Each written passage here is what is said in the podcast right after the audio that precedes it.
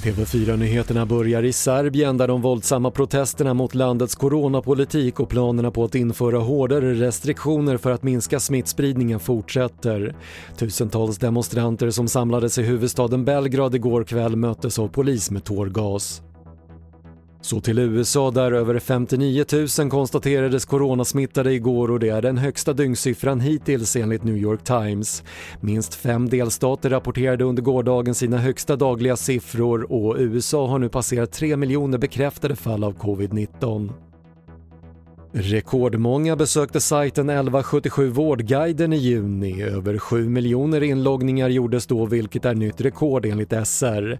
Orsaken tros vara att flera regioner har trappat upp coronatestandet och på vissa håll går provsvaren att läsa på webben.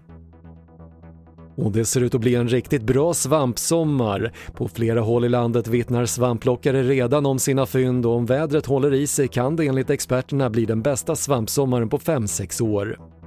Det var det senaste från TV4 Nyheterna. Jag heter Patrik Lindström.